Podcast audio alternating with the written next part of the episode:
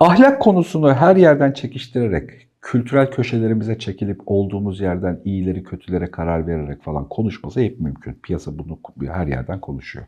Fakat bu ahlak hikayesi tüm toplumsal dokulara yani dünyadaki tüm toplumsal sosyolojik yapıların içerisinde çeşitli kavramlarla yansıyor. İnsan yani toplulukların hepsi ahlak kavramının kendisini ya etik seviyesinde ya da uygulamadaki ahlaki kurallar çerçevesinde kullanıyor. Bunun evrimsel bir kodu olmalı. O yüzden acık sohbet etmek istiyorum bu, bu konuda. Evrimsel kodu olmayan hiçbir şey yok ki. Aha, yani e, gerek biyolojik evrimin gerek de kültürel evrimin içerisinde e, sırtını bir yere dayıyor olmalı ya da bir işlevi, mantıklı bir yeri olmalı.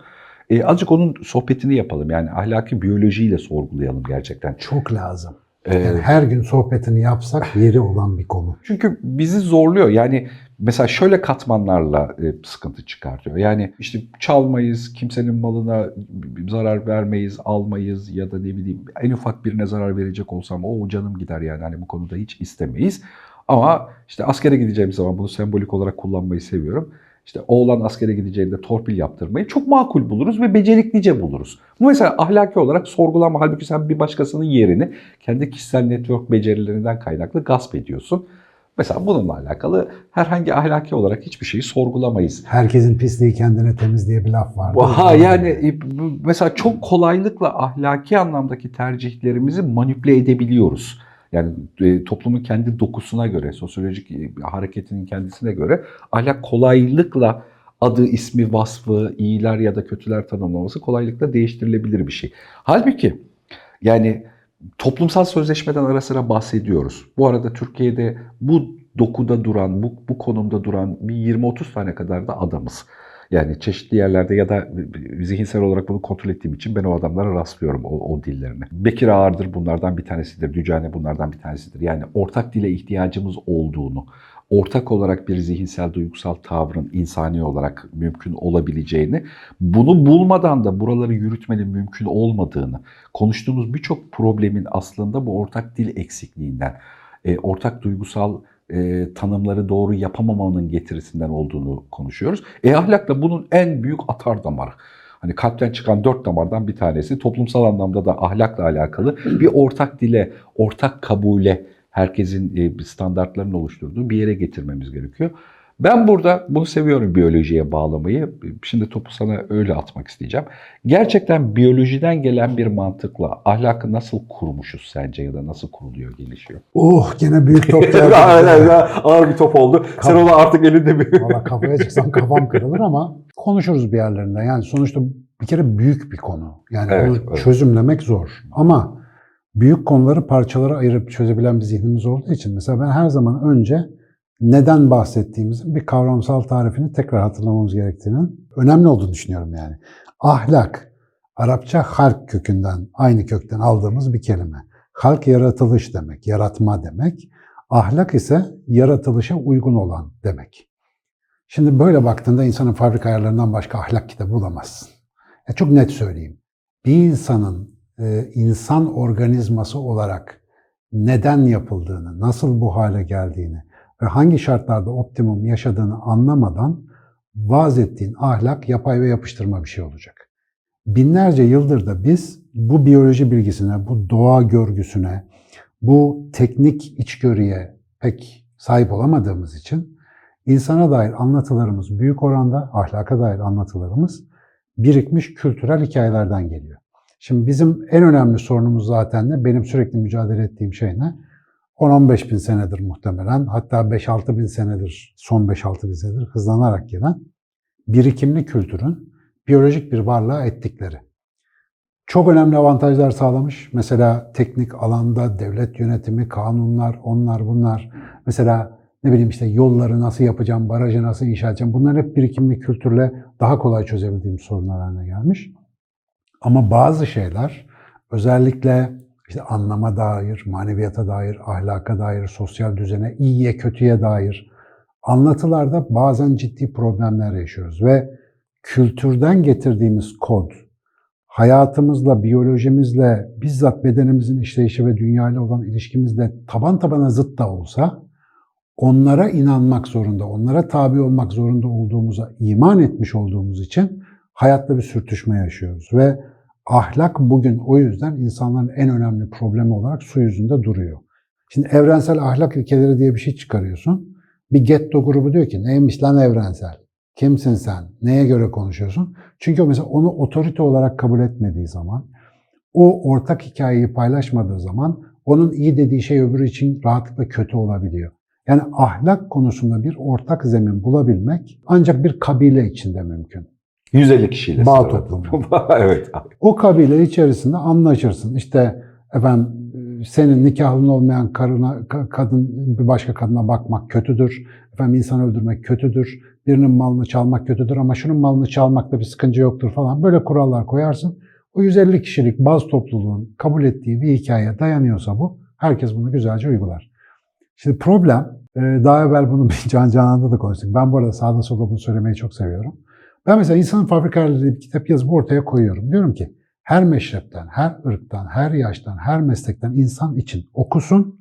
Burada onu ilgilendiren bir şey var. Fakat o kitapla ilgili değil ama benim başka söylediğim şeylere itiraz eden bazı insanlar bana öyle bir argüman sunuyorlar ki kendi kabilelerinde bile kabul görmeyen, kendi 150 kişilik gruplarında bile ulan gene bizimki bir şey dedi ama biz bunu nasıl tevil edeceğiz şimdi diye şüphe uyandıran arkaik bir argümanı bütün insanlığa söylenebilecek bir bilgiymiş ya da bir doğruymuş ya da bir ahlaki nasıl diyelim değermiş gibi ortaya koyabiliyor.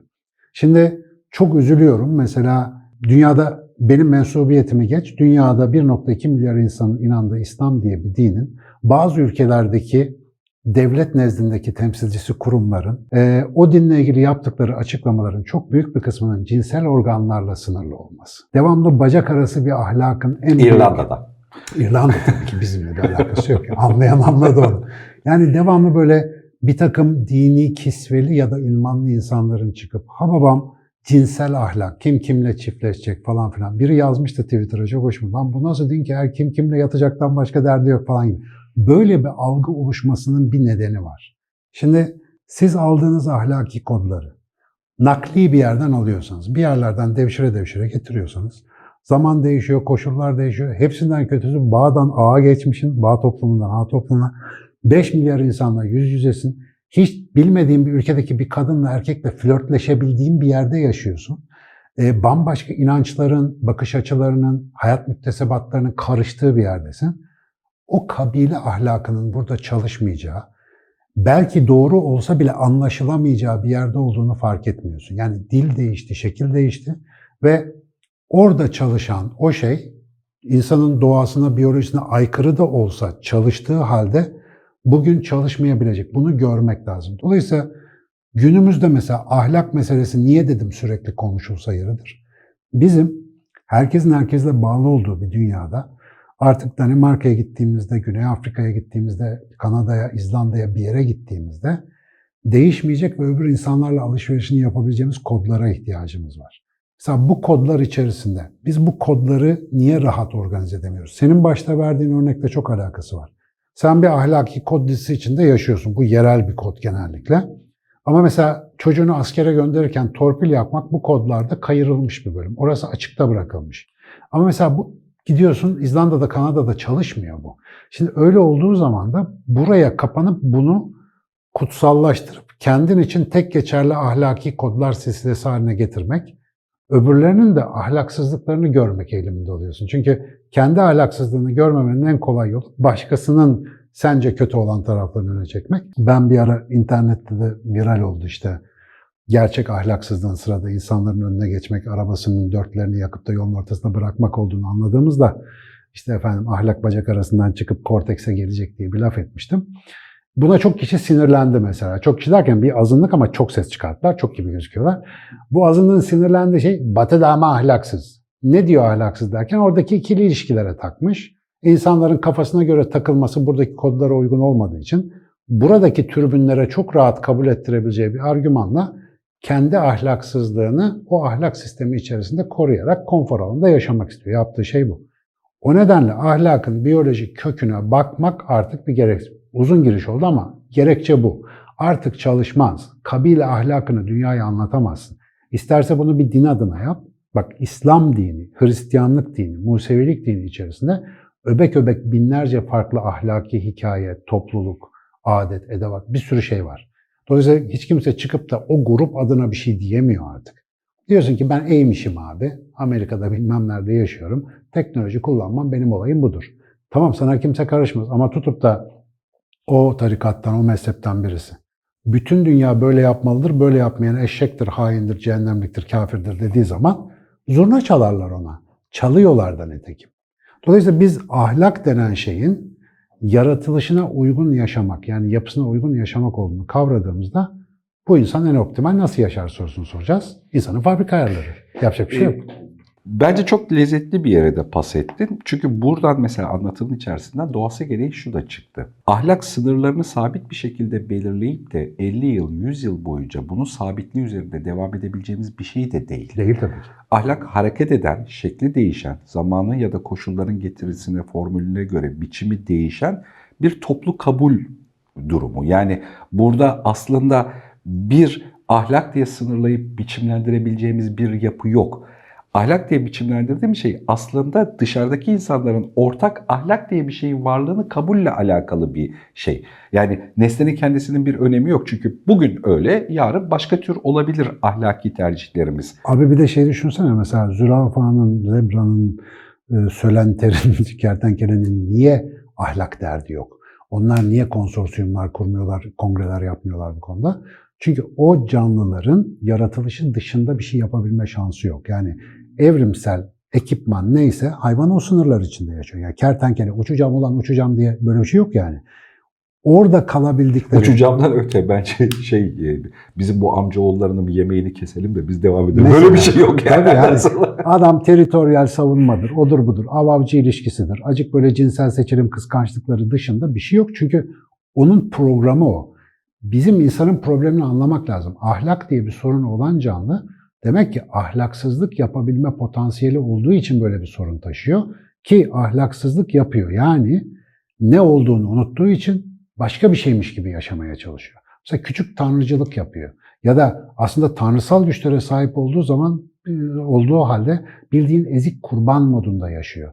Korktuğu için eziyet ediyor. İşte eziyet gördüğü için eline silah geçince başkasına eziyet ediyor. Şimdi bütün bu hikayeleri biz yapabildiğimiz için temelde hatırlanması gereken ve keşfedilmesi gereken bir süreç. Yani birisi dün bize bir ahlak yaptı, çok güzelmiş, biz bunu 4000 sene kullanalım, böyle bir dünya yok. Bir kere ne işin aslı bizim açık beyinde de en çok tekrarladığımız kendini bil hikayesi, ifanın temelini oluşturan ana niyet, öyle geceden sabah olacak olsaydı biz niye bu kadar uğraşıyoruz?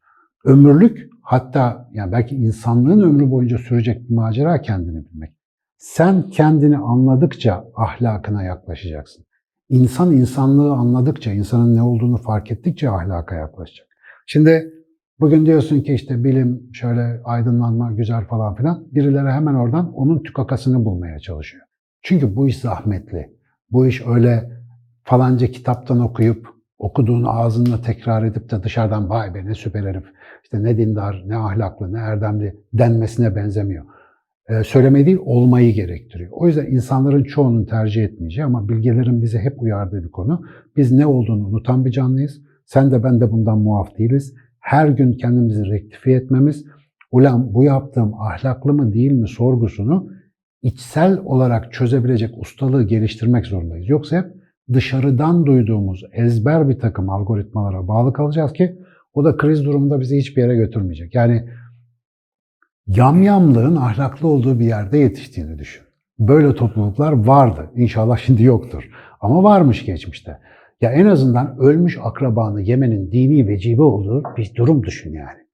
Şimdi düşünsene bir topluluk varmış, ölenlerini gömüyorlarmış. Allah belanızı versin bu ne ahlaksızlık. Bazı ahlak algılarımız bu kadar absürt, bu kadar garip. Bazıları çok gerekli. Mesela birçok insan dini inanışların cinsellikle olan bu problemini ergen bir kafayla dinler uçsun herkes sevişsin modunda böyle nefretle karşılıyor. Ulan insanın cinsellikle imtihanını bilmediğin için boş konuşuyorsun. Biz 10 bin senede sadece Kleopatra bilmem ne ya da ne bileyim aşil maşil hikayesi değil konu. Bütün savaşlar bundan çıktı. Bütün arızalar bundan. Bütün zenginlikler, güzellikler bunun için yapıldı. Mihrimah Sultan Kasrı bunun için dikildi Sinan tarafından. Ya bütün bu hikaye öyle yüksek enerjili bir şey ki İnsan da zaptu rapt altına almazsan insanın hayatını kaydıracak şeylere sebep oluyor. Dolayısıyla cinsellik hemen tabu oldu. Cinsellik hemen kurallara bağlandı. Bu çok doğaldı. Ama bugün o arkaik ihtiyacın, arkaik araçlarıyla hareket edemezsin. O ihtiyaç hala duruyor. O ihtiyaç hala yeni.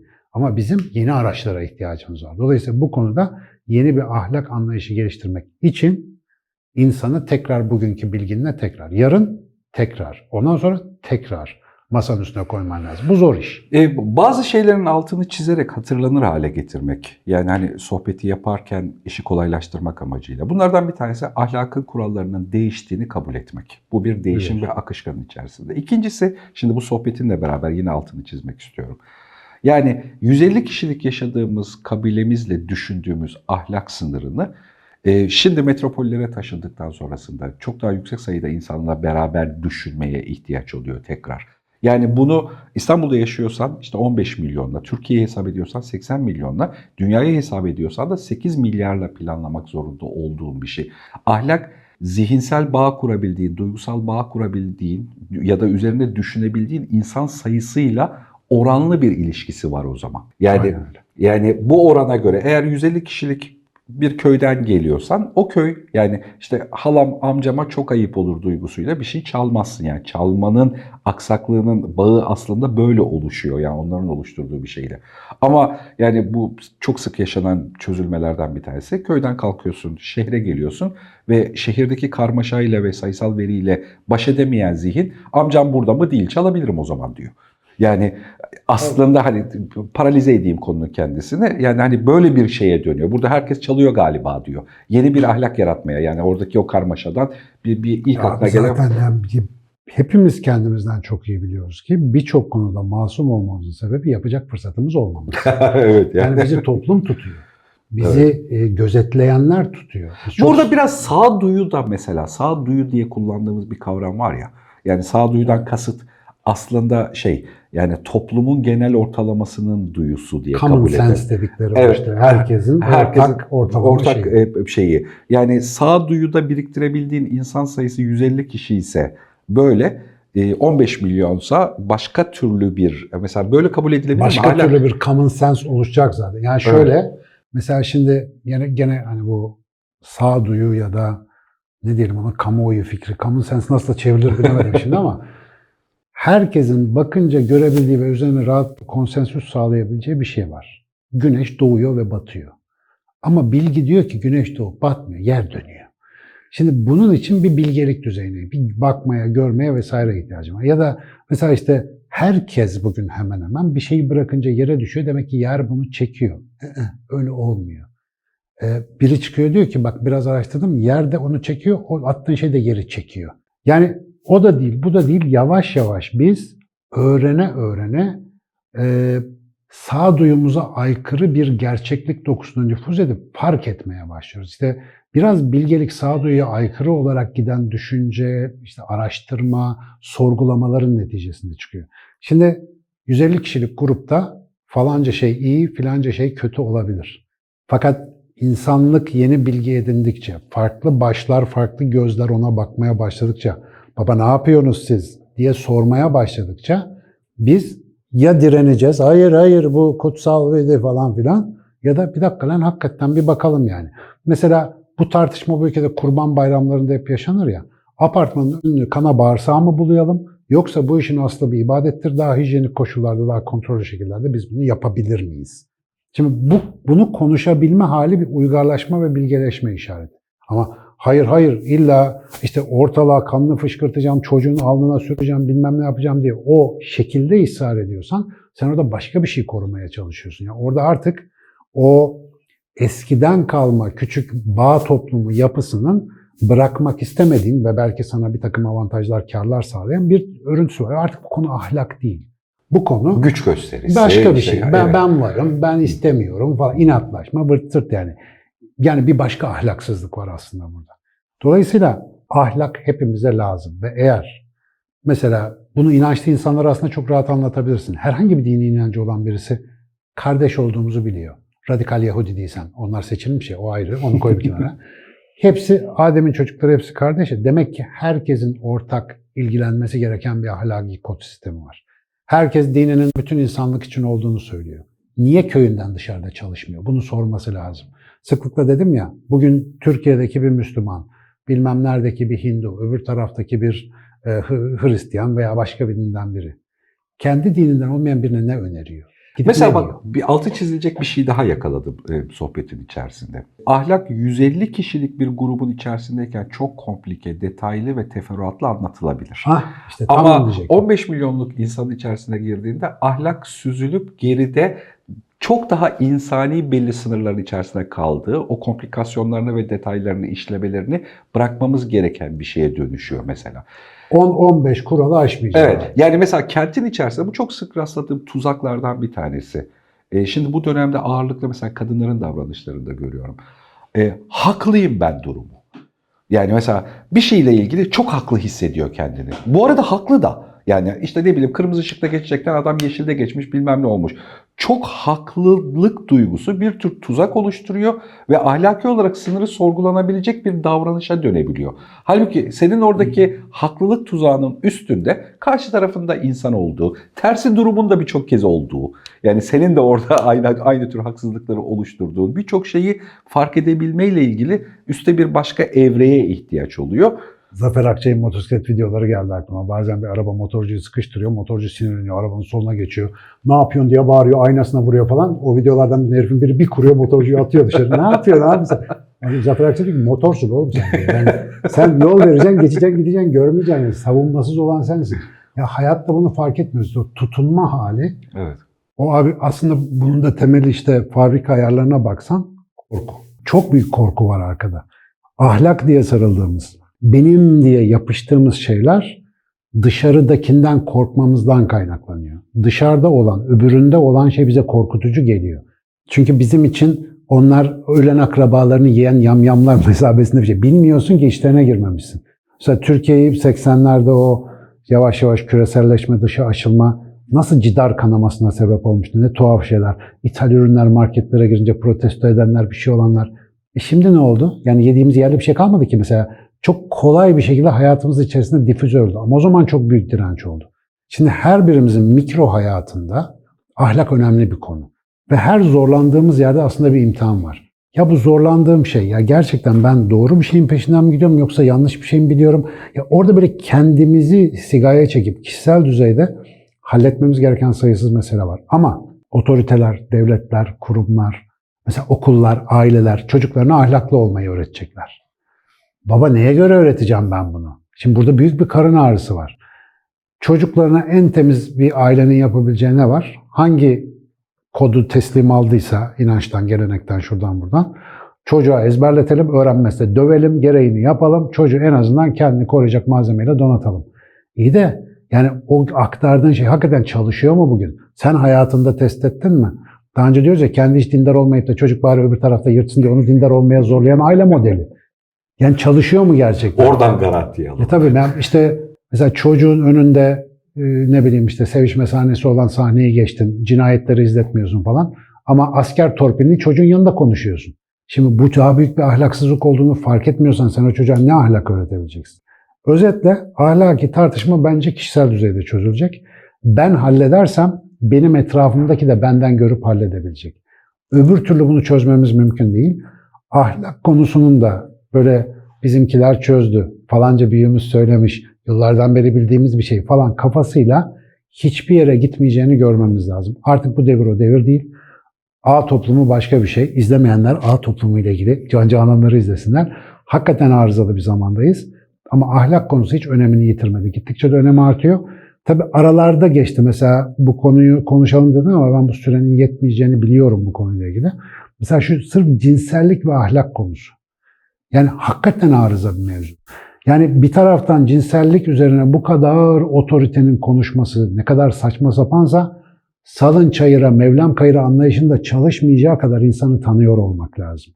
Yani burada hakikaten yeni bir akıllı uslu ahlak inşa etmeye ihtiyaç var. Mesela şey fotoğrafı oluşuyor tabii orada. Yani işte az önceki söylediği konuşurken söylediğimiz gibi yani e, bambaşka çelişkileri yaşayan, yaşadığını zannettiğimiz dini anlamda bir kanaat önderinin e, gerçekten hani cinsel anlamda bizim tuhaf bulacağımız, konuşmaktan sakınacağımız bir konuyla alakalı yani gerçekçi ya da gerçek dışı medyadan duyduklarımız çoğunlukla gerçek dışı sınırda bir şey konuşuyor olması da e, o, o bir tuhaf bir varyasyon doğuruyor yani. Ben Hani- geçen valla Yani- Instagram'da kulağıma kadar kızardım yani. Tek başıma olmama rağmen o adam bir cemaati anlatıyor yani. Yo, tuhaf, tuhaf geliyor. Aslında sağlıklı. Yani anlattığı şeyler tabii bir kısmı tuhaf hani bilimsel olarak belki sorgulayabilirsin ama aslında bu gerekiyor abi. Bu insanların bu bilgiye ihtiyacı var. Sen bunu tabulaştırıp dolaba kapatırsan tukaka yok öyle bir şey. Cinsiyet değil o cinsiyet olsa duramazsın falan diye çocuğu uzaklaştırmadan. Hani bunun bir faydası yok ki. O yarın bir gün sosyal alana karışacak birileriyle işte flört edecek evlenecek neyse. Buna hayatta ihtiyacımız var. Ama bunu tutup da yani ne bileyim işte o anlatılar diyorum ya mesela bir ortamda oturmuş etrafında 20-30 kişi var bir şey anlatıyor. Abi o küçük bir gruba anlatılan özel bir sohbet. İnternetin pisliği de bu. Her şey ortaya saçılıyor. Sen falancanın kendi ekibini anlattığına maruz kalıyorsun. Ve sonra onunla aranda bir husumet başlıyor. Gerek yok buna. Orada çalışıyorsa bırak çalışsın. Ama o arkadaş gelip bana bir şey dayarsa o zaman külahları değişeceğiz işte. O zaman başka bir şey. Bunun bir yolunu bulacağız abi inşallah. Ya bu dönem hani o yüzden ara sıra altını çiziyoruz ama çok doğru bulduğum, hala çok önemli bulduğum şeylerden bir tanesi. Hatta bir ara böyle e, sana bile e, abartılı bir projedir ama yani Türkiye Etik Kurulu'nu kurmak gerekiyor. Hani birçok şeyle alakalı Gerekiyor. etik etik refleks verebilecek bir kurula ihtiyaç var.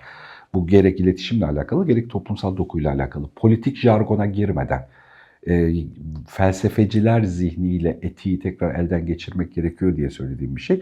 E, şu felsefecilere ihtiyaç var gibi görünüyor. Yani 8 milyarı bütün düşündüğümüzde insan olmayla alakalı zeminde başka bir şeyi tekrar sorgulama, ortak dil geliştirme. Bu arada ahlakla etiği de ayırmamız gerekiyor. Etik doğru yapma kodu demek. Yani o özellikle yapılandırılmış gerçeklikler için geçerli. Mesela hekimlik etiği diye bir şeyden bahsedemezsin hekimlik ahlakı diye bir şeyden bahsedemezsin. İnsan ahlakının bir yansımasını hekimlikte bulursun ama hekimlik etiği hekimlik özelindeki prosedürlerin doğru ve verimli bir şekilde yapılanması bir koddur aslında. İşte internet etiği, hede hede etiği. Şöyle yorumladım da o yüzden öyle demiştim. Yani ahlak bizim sokaktaki sohbetini yaptığımız konunun kendisi. Bunu düşünsel olarak, zihinsel Formüle olarak edilmiş formüle edilmiş haline Evet. etik diye yor. Ya daha felsefeye yaklaşmış İşte haline etik yani ben de şunu söylemeye çalıştım. Doğrusun ama ahlaklı olsaydık etiğe bile gerek kalmayacaktı. Zira her oluşturulmuş gerçeklikteki etik kodlar ahlaksızlık potansiyelini engellemek için zaten. Ama yani biz olaydık bunlar olmayacaktı. Ama o kadar da ütopik bir dünya olmayacak. O yüzden onların hepsine ihtiyacımız var yani. Belki videoyu bitirmeden önce şunun da altını çizmek gerekiyor. 8 milyar insanın bütününü düşünerek yeniden bir ahlak kurmamız gerektiğinde mesela ilk sert cevaplamamız gereken sorulardan bir tanesi yaşadığımız hali, internete ulaşma, yeme içme, barınma, kıyafetle alakalı yaşadığımız kaliteyi, yaşam standardını sağlamak için bizden fakir durumda olan iki kişinin olması gerekliliğinin devamlılığıyla bir sistemin içindeyiz. Mesela bunu cayır cayır çıplak bir şekilde görmek gerekiyor. Bizim proteine ulaştığımız standartlarda kalabilmemiz için ayda diyelim ki işte bu yarım kilo et olsun, bir kilo et olsun. Birilerinin ayda 100 gram ete ulaştığı gerçekliğini, Ya da ete Evet. ulaşamadığı bir şey. ulaşamadığı, temiz suya ulaşamadığı, işte standart gelir gruplarına ya da sağlık güvencesine, eğitim standartlarına ulaşamadığı bir dünyayla bu sistem var olabiliyor. Yani o bir kişiye iki kişi varlığını yüzde yüz oranlar böyle değildir ama e, analojisini oluşturmak için söylüyorum. 8 milyar insanı düşündüğümüzde bu gerçeklik zemini üzerinden konuşmamız gerekiyor tekrar. İşte ve bunun bilindiği bir dünyada bunu görmemek ahlaksızlık. Evet, evet, Yani bunu evet. fark etmek Evet. gerekiyor. Ve galiba bu kadar muhabbetin sonucunda ben de şöyle bir şey billurlaştı kafamda. Belki siz sevgili dostlara, dinleyenlere, yarın bir gün dinleyeceklere bir şey olabilir, e, ilham olabilir. Hepimiz belli ahlaki kodların içinden geliyoruz. Burada mesela benim kendi görevim, geçen sefer konuştuk ya senin Müslüman olduğunu bütün dünyaya göstermiştim. ben. Şimdi o, o konuda ne dedik? Ya kültürel olarak bir şey alıyorsun, bunu istesen de kurtulamıyorsun. Benim işim şu olmalı. Dünyanın yedi bucağındaki insana ikram edecek neyim var benim? Mutfağındaki her şeyi, camı, çerçeveyi misafire yedirmiyorsun değil mi? Bende yenir ne var? Ahlaki kodlarımdan bunları toplayıp bunları öne çıkarmak, varsa kendi özelimde kullanacağım şey onları kendime saklamak. Ahlak vaaz ederken evrensel en azından ağ toplumuna uygun bir düşünceyi artık geliştirmeyi öğrenmemiz lazım. Ona buna işte ibadet ritüeli, derisinin rengi, işte selam verirken kullandığı kelime cinsinden yaklaşmanın modası geçeli çok oluyor. Her birimiz bunu yapabildiğimiz zaman evrensel ahlak denen şey insan için zaten teşekkür edecek, zuhur edecek, ortaya çıkacak. Çünkü herkesin çantasında benzer şeyler var. Biz kıldırgıcıkla uğraştığımız için bence pek anlaşamıyoruz. Yoksa konu çok zor değil. Güzelmiş. Teşekkür ettim. Vay be ne konuydu.